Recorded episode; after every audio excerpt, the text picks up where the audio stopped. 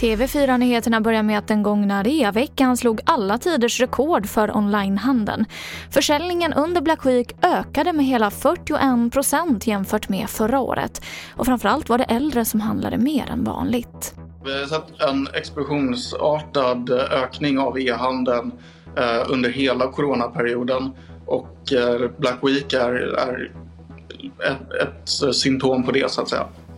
Det sa Oskar Hagman som är dataanalytiker på Prisjakt. Tre av tio operationer och specialistbehandlingar ställdes in i Sverige under coronapandemins första fas.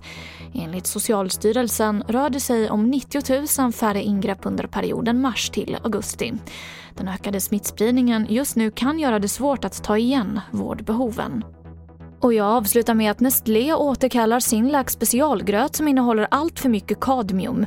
Det är gröt avsedd för barn med allergi eller laktosintolerans. Kadmiumhalten överstiger lagstadgade krav inom EU. Det här skriver Nestlé i ett pressmeddelande.